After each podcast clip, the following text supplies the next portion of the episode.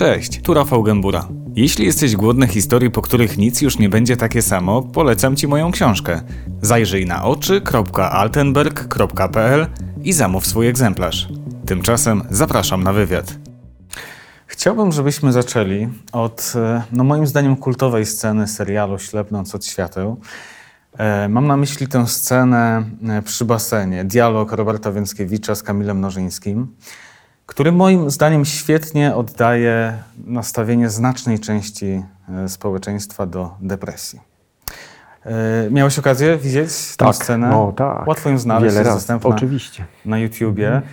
E, no i wniosek jest taki, że, że to nastawienie jest takie, że, że depresja to właściwie jakiś współczesny wymysł, jakaś ucieczka od odpowiedzialności, obowiązków, a może nawet w jakimś stopniu moda. Ty jesteś człowiekiem, który leczy ludzi z depresji, więc ciekaw jestem, e, no co ty o tym myślisz? Na szczęście powiedziałeś, że części Polaków. Yy, tak, rzeczywiście jest to bardzo dosłowny, bardzo dosłowny przekaz yy, oceny yy, zaburzeń depresyjnych, jakby w części świ świadomości naszego społeczeństwa. Niemniej jednak ja uważam, że to się zmienia. I uważam, że to jednak ewoluuje. Jakby ja jako psychiatra mm. mogę powiedzieć to wszystkim, że depresja istnieje, jest chorobą obiektywną. Ona istnieje, jest namacalna i tych pacjentów jest sporo. No ale to ktoś powie, kiedyś tego nie było. Tak, powie tak. Ja się z tym często spo, y, spotykam, zgadzam się z Tobą. Dlatego, że nie było, że my tego nie rozpoznawaliśmy, dlatego, że kiedyś trochę było inne życie, mhm. dlatego że depresja to też jest konsekwencja trochę współczesności i tego zmiana takiego, zmiana podejścia do naszego życia, tak? Masz rację, to jest w ogóle bardzo trafne, bo w latach 50. na przykład nikt nie chciał robić leków przeciwdepresyjnych, ponieważ mhm. uważano, że nie będzie na nie zbytu. Prawda? Nagle okazało się, też w latach 50. nie mieliśmy tyle zaburzeń depresyjnych. Depresja istniała od zawsze, już od starożytności były opisy pacjentów, które mówiły o tym, że byli ludzie, którzy byli melancholikami. Aha, okay. Jacyś, wiesz... E, tylko smutni, bez diagnozy. Tylko bez rozpoznania. Mhm. Nauka ewoluuje, psychiatria ewoluuje i my już wiemy dokładnie, możemy opisać tą depresję i powiedzieć, z czym ona się wiąże, jakie ma objawy i co stoi u podłoża rozwoju zaburzeń de depresyjnych, jakie mhm. zmiany w mózgu. To wszystko jest, tak? To ja chętnie zapytam Cię na początek o te objawy, bo myślę sobie, no wszyscy miewamy słabsze dni. Czasem to są dni, które y, przechodzą w tygodnie albo miesiące. Wyobraźmy sobie, że ktoś y, nas, powiedzmy, dzisiaj tutaj ogląda ten wywiad i, i, gdzieś być może rozpoznaje u siebie jakieś takie niepokojące, niefajne e, stany. Mm, no i pojawia się taka myśl, a może to jest depresja. Czy, czy Kowalski jest w stanie to rozpoznać u siebie? Tak, oczywiście. Tak? Ja mogę to nawet powiedzieć, jak. Słuchaj, masz trzy główne objawy, które zwykle dwa muszą być zawsze. Albo obniżenie nastroju, utrata zainteresowań i odczuwania przyjemności z rzeczy, które do tej pory wykonywaliśmy. To nazywamy anhedonią. Okay. I męczliwość, czyli brak energii, mm, brak sił do wykonywania czegokolwiek. Czyli co najmniej dwa z tych trzech objawów muszą być zawsze. Pragnę tu zauważyć, nie wiem czy zauważyłeś, że nie musi być wcale obniżenia nastroju, by rozpoznać epizod y, depresji. To jest bardzo ciekawe. To jest ciekawe. Do tego musisz mieć objawy dodatkowe, czyli nie śpię, mam zaburzenia snu, albo nadmiernie śpię cały czas, albo nie mogę zasnąć. I to musi występować, tak? To zwykle są objawy dodatkowe, które najczęściej występują. Czyli albo nie śpię, albo śpię, śpię nadmiernie. E, mam zmiany łaknienia, albo nie jem, albo się objadam bardzo dużo. Mhm. E, małe poczucie własnej wartości, pesymistyczna ocena przyszłości, takie poczucie rezygnacji negatywna ocena własnych dokonań, zmiany łaknienia wszelkiego typu, o czym już tu po powiedziałem, rezygnacja i u niektórych pacjentów mogą się rozwinąć myśli samobójcze. W skrajnych przypadkach pacjent depresyjny będzie prezentował objawy urojeniowe. Będzie miał omamy i urojenia, czyli takie mm, urojenia są to takie sądy sprzeczne z rzeczywistością, które nie dają się korygować wbrew jakby pokazywanym pacjentowi dowodom błędności i to są bardzo spektakularne, takie wręcz Mhm. książkowe opisy epizodów ciężkich, epizodów de, depresji, gdzie pacjent wy, wypowiada urojenia, na przykład zaniku jakiejś, czę- jakiejś części ciała. To dla Ciebie może się wydać dziwne, ale są pacjenci z ciężkimi epizodami depresji, którzy uważają, że umarli, albo uważają, że nie mają jakiejś części ciała, bo się rozpadli. To jest wtedy ciężki epizod depresji. My w psychiatrii mamy na to specyficzne e, nazwy takiej de- No co- depresji. To nie jest coś faktycznie, co kojarzy się z depresją. Chyba częściej e, te samobójstwa, e, o których wspomniałeś. Powiedz mi, mm, na ile to jest częste albo rzadkie? E, Czy, czy, czy ty spotykałeś się faktycznie z takimi przypadkami, że mm, no miałeś na przykład pacjentów, leczyli się na depresję, no i ludzie znikali? Tak, oczywiście. Tak, wiesz, wiesz, samobójstwo w depresji jest czymś bardzo intymnym. To znaczy 15% pacjentów chorych na depresję popełni samobójstwo. To jest bardzo dużo. 15%. 15%. Po wprowadzeniu leków ten odsetek zmniejszył się do 8-10% w zależności od populacji, którą my badamy. To jest bardzo dużo. Ja uważam, że w ogóle za mało o tym mówimy, że depresja jest chorobą śmiertelną. Ludzie się zabiją. Moi nauczyciele mówili, że zdrowy się nie zabija, zdrowy nie popełni samobójstwa. I to jest prawda. Za każdą depresją stoi zawsze coś niewyrażonego, coś niewyrażonego za życia, o czym ani ja jako lekarz tego pacjenta, ani rodzina tego pacjenta nigdy się nie dowie. Mhm. Za każdym pacjentem stoi coś intymnego. Bardzo. Dlatego samobójstwo pacjenta, jeśli pytasz mnie o samobójstwo pacjentów, to oczywiście każdy psychiatra ma takich pacjentów, których nie uratował. Jest to coś bardzo osobistego, coś, co siedzi ci do końca życia. I- No po ludzku ciężko, nie? No próbujesz komuś pomóc, tak, po ludzku ciężko, ale jesteś psychiatrą. Ja to biorę bardzo osobiście, może niepotrzebnie. Ja zawsze biorę to bardzo osobiście, dlatego że jesteś psychiatrą, angażujesz się w to, dajesz siebie. Zostawiasz w każdego pacjentka cząstkę siebie. Jako psychiatra robisz to, zależy ci. I mimo, że zrobiłeś wszystko dobrze, nie udało ci się. No, statystyka jest bezwzględna. Bez względu. Statystyka, 15% mówisz. to Tak. jest dla mnie zaskoczenie. Myślałem, że, że jednak mniej. Słuchaj, statystyka jest taka, że to jest 6 tysięcy ludzi w Polsce. To jest dwa razy więcej ludzi popełnia samobójstwa. Około 6 tysięcy. To oscyluje między 5 a 6 tysięcy. Tyle jest samobójstw w Polsce. Polsce, rocznie. Tak, to jak sobie pomnożysz przez 365 dni, to robi 14 do 16 osób dziennie. To jest dwa razy więcej, słuchaj, niż ginie osób w wypadkach komunikacyjnych na drogach. No to, to, To działa tym- na wyobraźnię. Prawda? O tym nie mówimy, nie? A samobójstw jest dużo. I paradoksem, no nie paradoksem, pewnym trendem y, zauważalnym jest, że dużo, dużo większy odsetek mężczyzn niż kobiet. Tak? To jest Te, typowe. te, to też jest ciekawe. E, Te, te same samobójstwa e, są taką ostatecznością. Dobrze, że o tym mówimy, no bo to też uświadamia człowiekowi, na ile depresja jest poważna. E, Ale mm, najczęściej, na szczęście, tak to się nie kończy. Jak najczęściej depresja zmienia życie takie codzienne człowieka? Wydziera go z życia. To mówią pacjenci. Taki, funkcjonowanie takiego pacjenta jest takie, że stajesz się smutniejszy, widzisz spadek napędu, nie masz siły. No ale mówisz sobie, okej, nic tam nie jest. Kupię suplementy diety, witaminki wezmę, coś zmienię, zacznę się ruszać. Zaczynasz widzieć, że mniej rzeczy cię cieszy. Pojawia ci się ta anhedonia.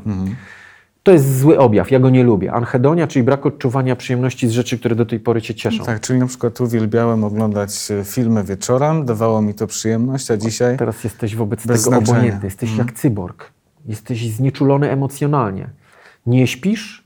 Jak nie śpisz, to jesteś zmęczony następnego dnia jeszcze bardziej. Nie możesz zasnąć. Wcześniej się wybudzasz. Od rana masz pewien poziom niepokoju, lęku, takiego wolno płynącego. No idziesz, zawalczysz, prawda? No bo y, to nic ci nie jest. To nic takiego. To minie. Okazuje się, że to nie mija. Tydzień, dwa, trzy, to nie mija, tak? Do depresji potrzebujemy tylko dwutygodniowego okresu trwania obniżonego nastroju i tych wszystkich objawów, o których ja mówiłem. Dwa tygodnie zmienionego nastroju przez większą część dnia każdego dnia upoważnia już do rozpoznania epizodu depresji. Większość pacjentów przyjdzie dużo później. I ci No właśnie. pacjenci, wiesz. Pewnie są- częściej dwa lata niż dwa tygodnie. Tak, ale nikt tego nie pozna, dlatego że ty zakładasz maskę pozornego ładu i spokoju, jak ja nazywam, tak? Czyli pójdziesz do pracy i zawalczysz. Stąd właśnie wiele osób często się dziwi, kiedy dowiaduje się, że Tak. jakaś osoba zmagała się z depresją, no bo na co dzień funkcjonowała Oczywiście. bez A zarzutu. w środku jest pustka. Jest nic, prawda? Jesteś, masz anhedonie, to cię nie cieszy. Nie masz, nie widzisz sensu w tym, co robisz. Funkcjonujesz jak robot. Musisz, bo masz kredyt, bo dzieci, No bo tak, rodzina, tak, prawda? tak. E, Ale nikt tego nie zrozumie, no bo nikt się nie czuje tak jak ty. Depresja generuje, wiesz, taki ból psychiczny. Ból psychiczny w, de, w depresji jest bardzo takim, jak pytasz tym, tych pacjentów, to, to jest bardzo ujmujące. To jest wręcz przeszywa cię to, jak oni o tym mówią, tak?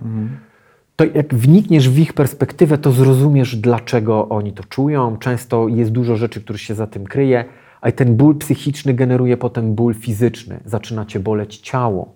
Twoje ciało się zmienia, nie masz siły, energii, bardziej odczuwasz ból, wszystko cię boli, strzyka. Co zrobisz? Pójdziesz do lekarza, ale nie do psychiatry. Próbujesz wyjaśnić sobie przyczyny dolegliwości. Może mam jakąś inną chorobę, prawda?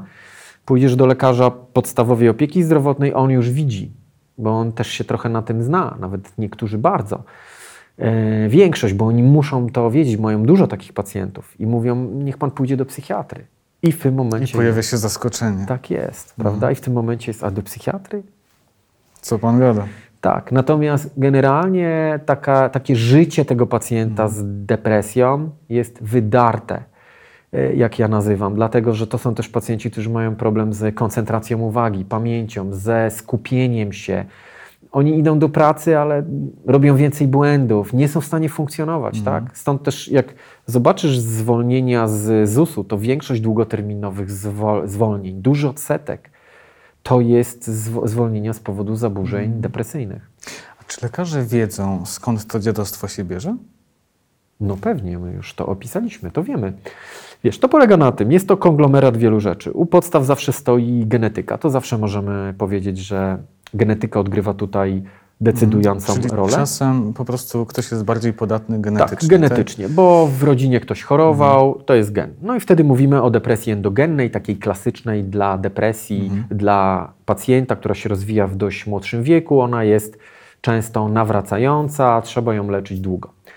E, No ale większość depresji, które teraz e, się pojawiło e, na przestrzeni ostatnich kilkudziesięciu lat, to są takie depresje trochę atyp depresje atypowe. Czyli polega to na tym, że jest to konglomerat wielu rzeczy, który składa się na rozwój de depresji. Prze przewlekłego stresu, stylu życia, takiej redefinicji modelu współczesnego życia, na nacisku na pro produktywność, na y, dużą ilość pracy, Czyli efektywność. więcej, szybciej, Więcej, szybciej. sukcesem, kasą. Tak. Kredyty, presja, Mhm. a wypoczynku mało, dbania o mózg mało, aktywności fizycznej mało, dieta słaba, Mhm. No jemy to taka choroba naszych czasów. Tak. I te wszystkie zmiany, Mhm. upraszczając bardzo, powodują zmiany, ym, powodują zmianę w funkcjonowaniu mózgu, które objawiają się objawami depresji i pojawia się u pacjenta depresja. Okej. A czy są jakieś grupy ludzi, którzy są być może bardziej podatni na, na to, że ich dotknie depresja? Wspomniałeś o tej płci, o tym podziale. A czy na przykład kwestia, kwestia wieku, y, być może zawodów, jakiegoś usposobienia? Y, Czy bardzo na kogo padnie na tego bęc? Ja muszę powiedzieć Ci, że depresja jest dość bardzo demokratyczna. To znaczy, może dotknąć wszystkich. Y, oczywiście są pewne jakby czynniki ryzyka zachorowania na depresję. To jest przewlekle długotrwający stres i to jest doświadczenie jakiejś dużej traumy w okresie dojrzewania i adolescencji. Albo w, swoi, y, w swoim życiu jakieś, tak? Czyli większość epizodów depresji wyzwala się jakimś dużym traumatycznym doświadczeniem, czyli bardzo silnym stresem, który zdestabilizował fun, fu- y, funkcjonowanie mózgu. A teraz dla różnych osób różne to są czynniki. Dla niektórych śmierć bliskiej osoby jest bardzo ważnym czynnikiem destabilizującym. Dla niektórych mężczyzn utrata pracy i zwolnienie go ze stanowiska dyrektora jest depresji, wy, wyzwala silny epizod, niesamowicie silny. To w ogóle są bardzo trudne do leczenia depresje, tak? Mm, No, męska duma. Prawda, tak. Moi koledzy psychiatrzy nazywają to depresją szczytu. Osiągnąłeś już wszystko i nagle spadłeś, tak? Czyli e, jakby dla różnych pacjentów różne czynniki ich destabilizują, tak? Też jest ważne, e, z, ja- z jakim ty bagażem doświadczeń ży- życiowych wszedłeś, tak? W to dorosłe życie. E, No a, a teraz coś, co obserwujemy, czyli psychiat, y, jakby pojawienie się epizodów depresji w coraz młodszych grupach wiekowych, tak? I tu psychiatrzy dziecięcy i młodzieżowi mają du, dużo pracy, bo tej depresji też jest dużo u e, młodych osób, co mnie No osobiście tak, bardzo To martwi. jest jakieś, jakieś nowe zjawisko. Tak, ono przybrało na sile w ogóle. No. I To jest taki, w- wiesz, tej depresji jest sporo, tak? Mhm. To wbrew pozorom w Polsce to będzie prawie 2, 2 miliony osób. Na świecie ponad 320 milionów. To mówimy o dużych liczbach. O dużej ilości osób. Każdy z nas spotka taką osobę. Każdy. Pocieszające chyba jest to, że zgaduję, można to wyleczyć. Tak. Można wyleczyć. Można to wyleczyć. Oczywiście. To jest w ogóle No to już jest jakaś pozytywna Tak, informacja. to jest w ogóle dobra sprawa z tą depresją, że e, współczesna psychiatria dość dobrze ewoluowała. Stała się bardziej opisowa, namacalna, prawda? To jest takie jest pytanie nie psychiatrów do psychiatrów, że wy leczycie rzeczy może, których nie ma, nie? No one są. No tylko, że nie mamy jak w kardiologii EKG, echa serca czy jakichś różnych rzeczy, ale my rozmawiamy. Chory to czuje, że jest coś z nim nie tak. Yy, Fajnie leczy się te depresje, jak chory ma wgląd, jak wie, że, jak wie, że yy, można zmienić, jest zmo, zmotywowany, aktywnie z nami pracuje. To naprawdę można poleczyć i dajemy leki, widzimy jak chory odpowiada na te leki. Czasochłonne to jest? Jak długo się leczy depresję? No to dobre pytanie. Standardy naukowe, evidence-based medicine, na którym się psychiatria opiera, czyli na takie rzetelne badania naukowe, mówi minimum 6 miesięcy, najlepiej 9. Ja w praktyce mam tak, to że czasu. tak, dlatego że zapobiegasz nawrotom. To znaczy, im dłużej poleczysz sobie pacjenta yy, na depresję, mówię o leczeniu farmakologicznym, prawda? Czyli jakieś tam tabletki, tak? Tak. No nie jakieś leki. No nie jakieś. leki, to wiesz, to są skomplikowana materia. Ale działa to w ten sposób, że ktoś tam sobie coś łyka, powiedzmy, tak? Tak jest. Jedną tabletkę Mhm. dziennie. Prawda? I widzimy, jak się poprawia. Odpowiada na lek, jak się zmienia. My sobie patrzymy, jego dy, dynamizm zmiany. E, No i najczęściej jest tak, że chory po tam, sześciu tygodniach mówi: Nie, no, doktorze, jest fajnie. Super, dobrze jest w ogóle. Doktorze, jest duża zmiana. I pewnie odstaje. Tak. I to jest punkt kul, kulminacyjny, że mówi: To już się dobrze czułem, to ja sobie Mhm. To nie odstawię. potrzebuje. I to jest błąd, dlatego że wtedy jest duży odsetek nawrotowości. Mhm. No i my zalecamy, że e, ja w praktyce mam tak, ja każdemu pacjentowi to mówię. Ja po, poleczę pana minimum 6 miesięcy, najlepiej jak 9 i nigdy nie odstawię panu leków zimą.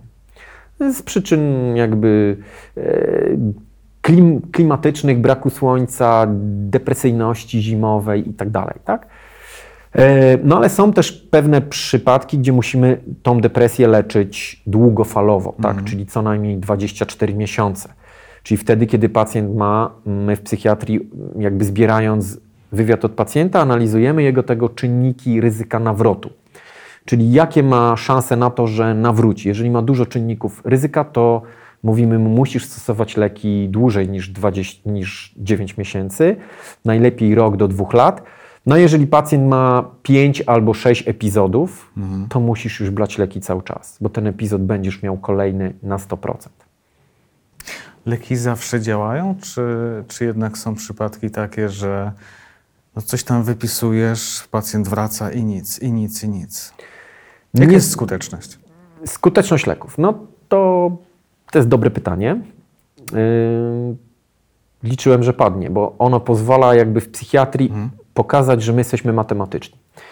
Czy jakbym miał Ci powiedzieć na liczbach, to tak, jak przyjdziesz do mnie na wizytę pierwszy raz i ja Ci dam jakikolwiek lek przeciwdepresyjny, to odpowiesz na lek w połowie przypadków, czyli 50% pacjentów odpowie na lek. Co to znaczy odpowie? Odpowie to znaczy, że jak Twoja depresja powiedzmy była punktowana na 10, to będzie na 5. To jest Okej. odpowiedź. Jak natomiast zre, zremituje, 1 trzecia pacjentów, czyli 30% pacjentów będzie miało tak zwaną re, remisję, czyli nie będzie miało objawów choroby. Czyli połowie w jakimś stopniu pomoże, a połowie trzeciej pomogę w połowie, a jednej trzeciej całkowicie. Tak, teraz przyjdziesz y, na wizytę po dwóch miesiącach, trzech, powiesz, ten lek nie za bardzo, nic się nie zmieniło, więc ja ci zmieniam lek i teraz mam szansę na to, że odpowiesz na poziomie 30%. Czyli już mi się zmniejsza, tak? Czyli generalnie w pierwszym epizodzie, jak pacjent przyjdzie do psychiatry, jesteśmy w stanie pomóc trwale jednej trzeciej pacjentom pierwszym lekiem. Przy czym lek się dobiera oczywiście, leki się dobiera pod kątem tego, jakie ma pacjent objawy, bo jednak pacjent pacjentowi nie jest równy. No pewnie. A widzisz coś takiego, jakąś taką jednak niechęć do tych leków? Jakieś takie przekonanie, że no być może są to, są to tabletki, które jakoś e, wpływają na nas, zmieniają nas, na naszą osobowość, tak? W jakimś, w jakimś stopniu. Takie są pewnie przekonania, mity. A nie daj Boże uzależnią. Czy ty obserwujesz takie obawy? To jest powszechne pytanie. To jest powszechne pytanie pacjentów do mnie.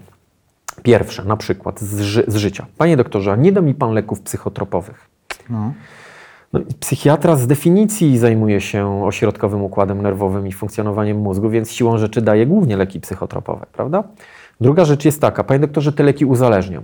Oczywiście jest grupa substancji czy leków w psychiatrii, które uzależniają, ale leki przeciwdepresyjne nie mają mechanizmu uzależniającego. Wyjaśnię to no to. To jest ważna informacja. tak, wyjaśnię to bardzo prosto. Chory bierze stałą dawkę leku przez cały czas. Prawda? Powiedzmy ileś tam miligramów jakiegoś leku. I nie zwiększa dawki. Ta dawka mu po, pomaga. Nie ma kryteriów uzależnienia. Uzależnienie jest wtedy, kiedy musisz zwiększać dawkę, coraz więcej, coraz więcej, coraz więcej, prawda? Mm, Są w psychiatrii leki, które mają ryzyko uzależnienia, tak? Na przykład leki uspokajające czy nasenne.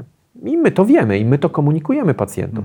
Leki przeciwdepresyjne To nie ten przypadek. to nie ten jakby, to, n- to nie ta gru, grupa leków. One nie mają mechanizmu uzależniającego. Po drugiej stronie stoi pacjent, który jak bierze te leki i się poprawi, bo to też warto, żebyś wiedział, że jak chory się poprawi, to dla niego ten epizod depresji był tak ciężkim okresem, że jak ja mówię, dobrze, słuchaj, leczymy już się 9 miesięcy, mm, A, że boją się odstawić. tak, boją się odstawić. Boją się odstawić nie dlatego, że y, jakby y, są uzależnieni od leków. Boją się odstawić, że wróci Że tam depresja. to wróci. Tak.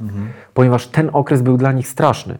Taki bardzo zły i jasne, oni to bardzo źle jasne. oceniają i mówią, słuchaj, y, doktor, czy ja mogę to brać dłużej? Mhm. Ja Mówię, pewnie, zrobimy badania kontrolne, zobaczymy, jasne, nie? To jakby nie ma przeszkód. Mhm. Ciekawe to jest.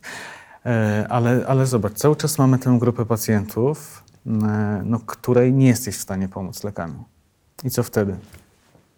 Tak, no jest, y, mam dużo możliwości, tak? To znaczy, musimy powiedzieć, że depresję możemy podzielić na łagodne, umiarkowane i ciężkie, tak? Jakby jak, Czyli nie każda jest sobie nie każda równa. depresja jest sobie równa. W zależności od liczby objawów, które masz, y, stopniuje to nasilenie objawów, tak? tak? Taką najgorszą depresją dla pacjentów to jest melancholiczna de- depresja, nazywana przez psychiatrów melancholią. W potocznym języku Brzmi łagodnie. tak, nawet ładnie brzmi, prawda? W potocznym języku melancholia rozumiana jest trochę inaczej. W psychiatrii melancholia to jest ciężki epizod depresji, w którym ryzyko samobójcze pacjenta jest duże. To jest pacjent, który jest bardzo smutny, bardzo depresyjny, zahamowany psychoruchowo i nie ma lęku. Aż większość pacjentów depresji odczuwa pewien rodzaj lęku. Jest to lęk wolno płynący, taki z środka, niesprecyzowany, nie potrafią go pacjenci nazwać. To jest jak to mi pacjentka mówi, yy, panie doktorze, mam takie, jak rano wstaję, mam taki tutaj ścisk w klatce, takie poczucie, że coś się wydarzy. Generalnie nic się nie wydarzyło, ale coś się wydarzy. Mam poczucie takiego niepokoju. To jest właśnie ten lęk wolno płynący, taki, yy, nazywamy to wolno płynący, bo jest cały czas. Ten pacjent rokuje nieco lepiej. Po pierwsze, on szybciej trafi do psychiatry, dlatego że lęk zmusza często pacjentów do poszukania pomocy. Bo Ciężko z tym żyć po prostu. tak, ciężko zżyć, no bo objawy lęku najczęściej to somatyczne są, czyli kołacze ci serce, boli cię brzuch, e, drżą ci ręce, trochę ci głos drży. Jak gdzieś pracujesz w korpo, musisz przemówić pu, y, publicznie, e, coś musisz, jakiś wykład zrobić, no to się stresujesz, bardzo ci to przeszkadza, to widzisz, że coś jest nie tak. Taki pacjent lękowy i depresyjny, a współistnienie lęku i depresji jest duże, jakby współistnienie tych, tych dwóch chorób jest duże, to on przyjdzie i powie, panie doktorze, no mam takie objawy i w toku my, jak y, badamy pacjenta, okazuje się, że on jest tak naprawdę, w, ten lęk jest wtórny do depresji, którą miał. Tak? No i ten pacjent ma mniejsze ryzyko popełnienia samobójstwa, dlatego że często lęk chroni cię przed popełnieniem samobójstwa, bo ty się boisz tego zro- e, zrobić. W melancholii nie ma tego lęku. Czyli ten mechanizm obronny nie występuje. W związku z tym tam większy odsetek pacjentów popełnia samobójstwa, niestety. E, Ale melancholię trzeba leczyć, tak? I melancholia jest dużo gorsza do leczenia niż taka depresja lękowa, która szybciej się poprawi. Tak więc w zależności od stopnia nasilenia depresji my dobieramy pacjentowi leki. No i postępowanie, jakie kuchnia psychiatryczna mówi tak, daj jeden lek, potem zmień na inny lek. Jeżeli ci się nie uda, to zastanów się, jakie są przyczyny niepowodzeń terapii. Jeśli właściwie zdiagnozowałeś tą depresję, tam nie ma innych przyczyn, nie ma innych chorób w tle, to spróbuj augmentacji albo Czyli? czyli takiego dodania do leku przeciwdepresyjnego innego leku. No Właśnie tu jest chyba, wy, wy macie taki no, kłopot w cudzysłowie, tak mi się wydaje, tak? Że, że, że, że w twojej działce to leczenie nie jest natychmiastowe. To nie jest tak, że człowiek e, weźmie tę tabletkę i za dwa dni minęło. Tylko czasem te efekty pojawiają się, tak jak mówisz, po kilku tygodniach. Tak, no jakby jak ja zaczynałem naukę w psychiatrii, historycznie uważano, że my te leki przeciwdepresyjne to działają po dwóch tygodniach, po miesiącu, po I miesiącu. trzeba Najpierw- wykazać konsekwencje, tak? Tak, Przez ten miesiąc najpierw nie było- efektów. Tak, najpierw było mówione 4 tygodnie do 6. Mhm. To się zmienia, to ewoluowało. My już wiemy w psychiatrii, że pierwsze dwa tygodnie już jakby ten lek zaczyna działać od razu. Czyli jeżeli weźmiesz lek, to on jak będzie działał na coś tam w głowie, to te, jakby fachowo mówiąc, iskrzenie neuronów zmienia się od razu. Natomiast tego nie widać klinicznie po manifestacji pacjenta, prawda? Ten pacjent mówi, że on jeszcze nic nie, nie czuje, no bo trzeba w, w, wysycić odpowiednie receptory, ta liczba musi być duża, tak? Czyli mówiąc krótko, jakby do zadziałania przeciwdepresyjnego leku potrzebujemy wysycić co najmniej 60% receptorów. To trwa. Tak? W, Trzeba cierpliwie w mózgu. wyczekać Tak, receptory to są takie, takie twory na komórce nerwowej, gdzie działa dany lek i pojawia się efekt kli, kliniczny. My wiemy dokładnie, że pierwsze, jak się poprawi pacjent po dwóch tygodniach, to jest to taki silny prognostyk na to, że się poprawi e, dalej. Tak? Jeżeli nie poprawisz się w ciągu dwóch tygodni, nie będziesz widział zmiany, to raczej ten pacjent nie poprawi się po tym leku i trzeba szukać innego e. I wtedy coś tam się zmienia. No bo tak, tak jak mnie pytałeś, że jakby e, dobór leku jest Mhm. do pacjenta. To znaczy my nie dobieramy leku na chorobę, dobieramy lek na chorobę depresyjną, ale ta depresja manifestuje się tak różnie, y, bo, bo są pacjenci, którzy są lękowi, nastrój mają umiarkowanie obniżony, są obniżony, są bardzo lękowi, mam duży natłok myśli i nie mogą spać, to oni muszą dostać inny lek od pacjenta depresyjnego, który ma nie ma siły, energii, nie je, nie ma rano siły wstać i się umyć. To ten pacjent musi dostać inny lek, tak? Czyli my dobieramy pacjent, pa, leki pacjentom pod kątem objawów, które mają, dominujących Czyli, objawów. czyli wcale nie losowo. Tak. To jest tak, że jakby dlatego ten wywiad psychiatryczny tyle trwa, Mm. dlatego często y, no, dostaję, pacjenci dostają pytania, na które, no, które inny lekarz nie zadaje, prawda? Pytamy różne rzeczy i to często dziwi pacjentów, no, bo my musimy wiedzieć jak najwięcej, bo na tej podstawie ja dobieram lek, prawda? Przykład dziwnego pytania? E, No na przykład proszę mi powiedzieć, e, niech mi Pani powie na przykład jak Pani og- ogląda coś albo czyta, ile Pani z tego jest w stanie za- zapamiętać. prawda? No tak. No, no to jaki lekarz to pyta na wizycie? Tak, mm, na przykład internista, tak? Albo niech mi pani powie, Pewnie prawda? niewielu, tak. Prawda? Albo niech mi pani powie y, o takim swoich prze, przeczuciach, jak pani się ocenia, albo Mhm. czy ludzie panią lubią. A później ci pacjenci wracają do domu i jak, jakiś dziwny ten lekarz był. Takie, takie dziwne pytania zadawał. Tak często tak bywa, że y, często pacjenci kończą, kończą wizytę i Mhm. mówią, y, no tych części pytań u pana to się nie spodziewałem, prawda? Ja no właśnie dlatego, że my trochę inaczej pytamy. Nie mamy, ten nasz warsztat jest trochę inny. My musimy mieć trochę inny warsztat, dlatego że no nie mamy takich badań też jak mm, lekarze innych specjalności. Obrazowe mamy, oczywiście, mamy rezonans czy tomograf głowy, no ale to nie wszystko, tak? My komunikujemy się kanałem werbalnym, prawda? No. Słowo jest dla nas ważne. Jasne. Więc to jest ten wywiad, ale wróćmy jeszcze do, do, do samego leczenia. Rozumiem, że jest tak, że jeśli nie ten, to jakiś tam lek e, po prostu się Jeśli dobierze. nie ten, to inny. Jeśli się nie poprawiłeś, to augmentujemy, czyli dodamy coś ci do tego leku.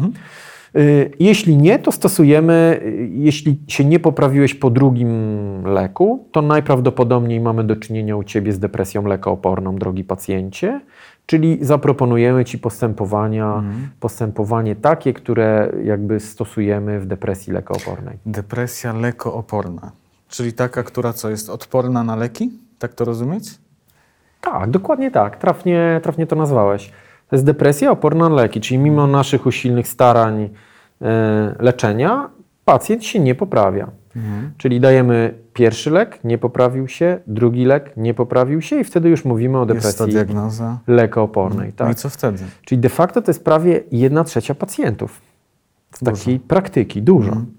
E, Wtedy no, zastanawiamy się, czy rzeczywiście mamy do czynienia z depresją lekooporną, czyli czy pacjent bierze leki, czy nie jakby nie stosuje je systematycznie, czy nie ma jakichś innych czynników, które przeszkadzają nam uzyskać proces, jakby poprawę jego stanu. Być może stosuje alkohol, środki psychoaktywne, które upośledzają działanie moich leków. Być może ma jakąś inną chorobę somatyczną z ciała, która przeszkadza osiągnięciu y, poprawy w przebiegu naszego leczenia e, y, pacjenta.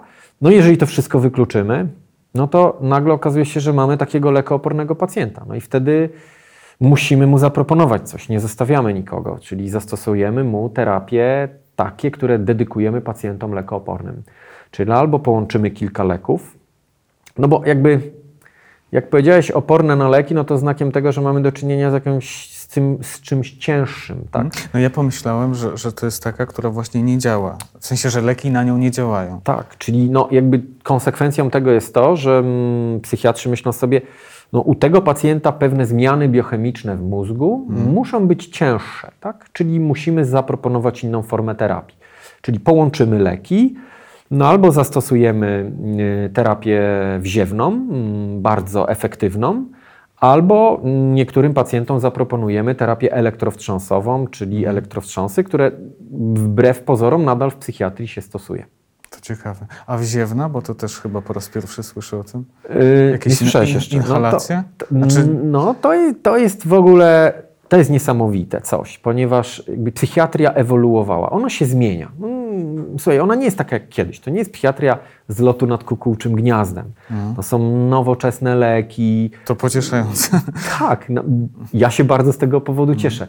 Stwarza mi to bardzo dużo możliwości. E, Też pokazała, że ta psychiatria jest taką nauką w pełni, jest taką specjalizacją medyczną w pełni, tak?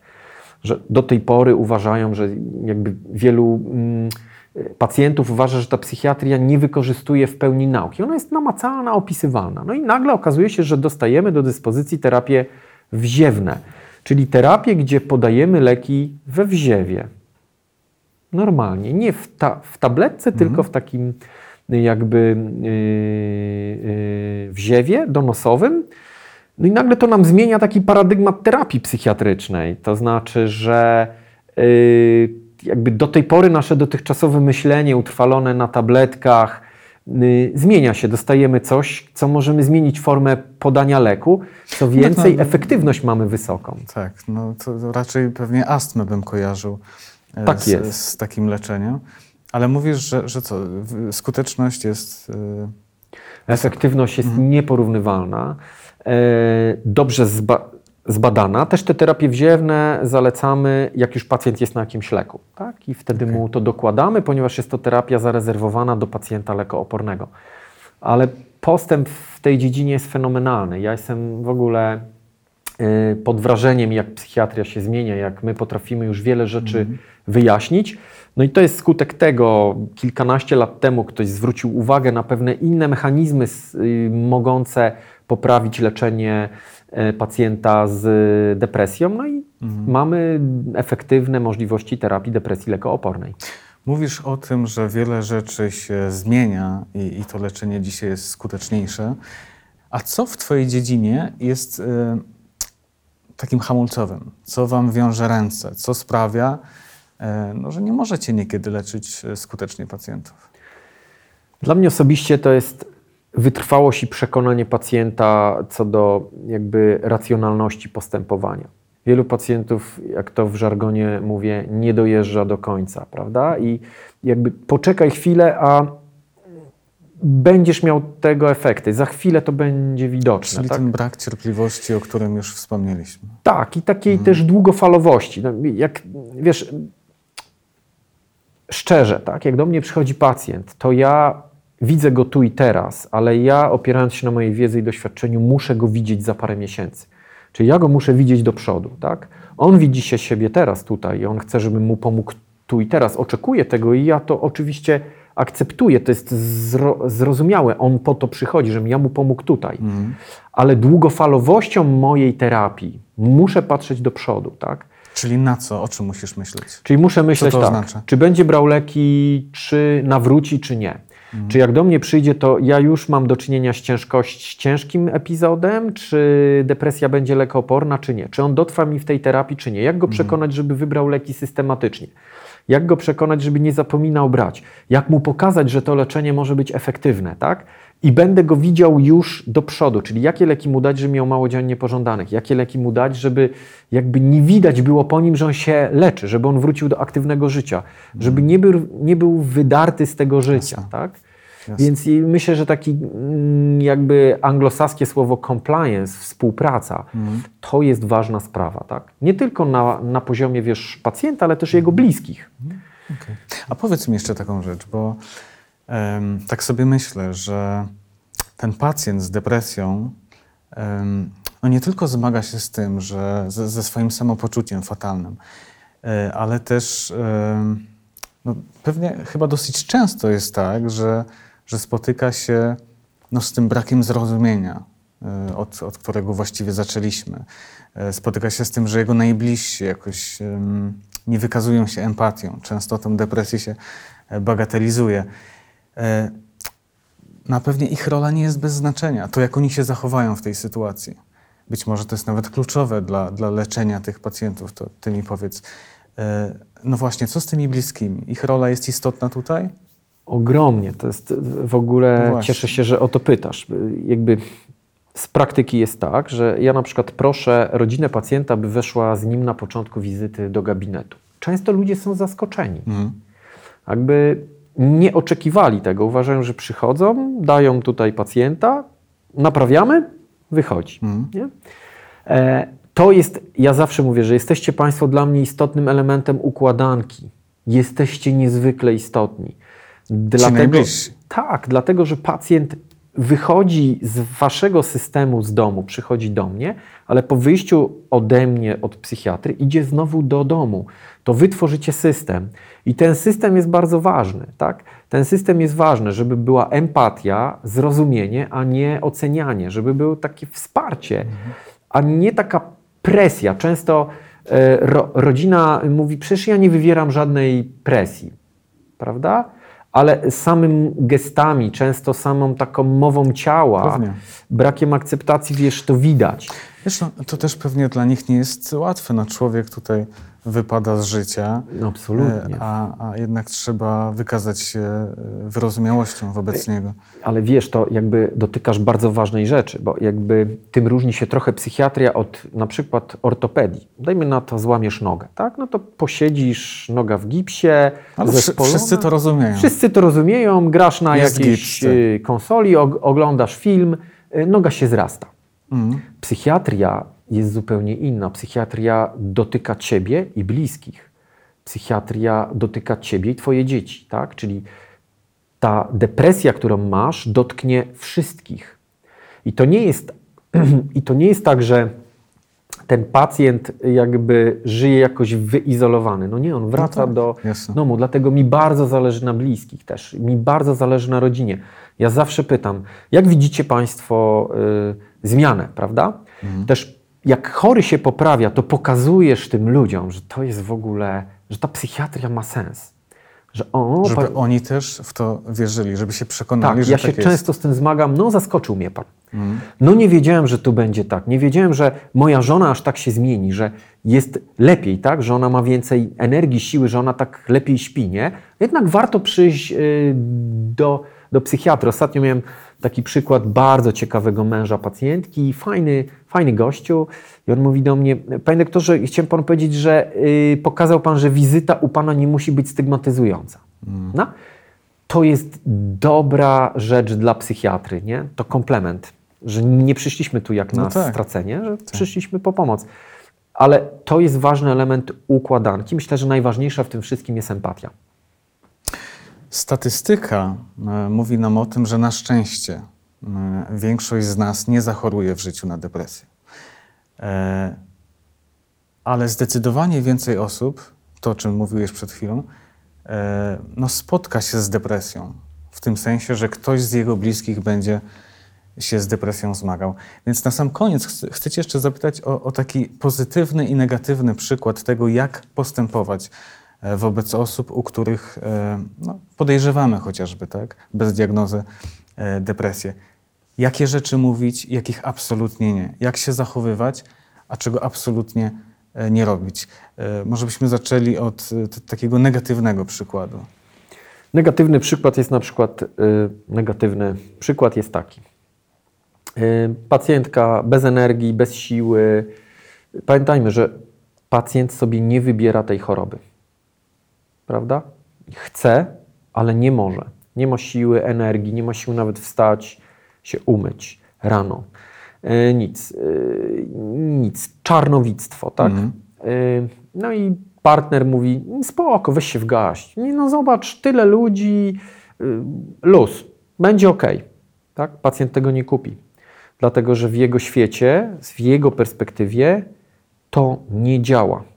Czyli takie głupie przekonywanie, że świat nie jest taki Nie. beznadziejny. Tak? By, pochylmy się nad perspektywą pacjenta depresyjnego, czyli nikt mnie nie rozumie, y, nie mam poczucia, że ktoś mnie akceptuje, mam małe poczucie własnej wartości, nie mam poczucia wpływu na swoje życie, nie mam poczucia wpływu na przyszłość, w zasadzie nic już nie kontroluję, jestem zrezygnowana, poddałam się, nie mam już siły walczyć. Już nic z tego nie wejdzie, nic z tego nie będzie, tak? Teraz ktoś z zewnątrz mówi nam, co mam robić, albo weź zrób to. Jakbym mogła, to bym to zrobiła. Okej. Czyli to, to nie działa. To jest zły Tak, przykład. to nie działa. Ocenianie też nie działa i porównywanie. To, co działa, co będzie właściwym zachowaniem, jak się zachować. To jest być może taka najważniejsza informacja, która dzisiaj wybrzmi. Działa Bo- tak zwane wsparcie. Czyli słuchaj, y, opowiedz mi o tym. Powiedz, jak się czujesz. Mm, Coś poradzimy, jestem tu przy tobie i na pewno jest mnóstwo rozwiązań. Ja będę cię wspierał. Powiedz, jak się czujesz. Opowiedz mi o tym. Tak? I może nie chcesz mi, może y, pomogę ci jakoś, może y, chcesz iść do lekarza.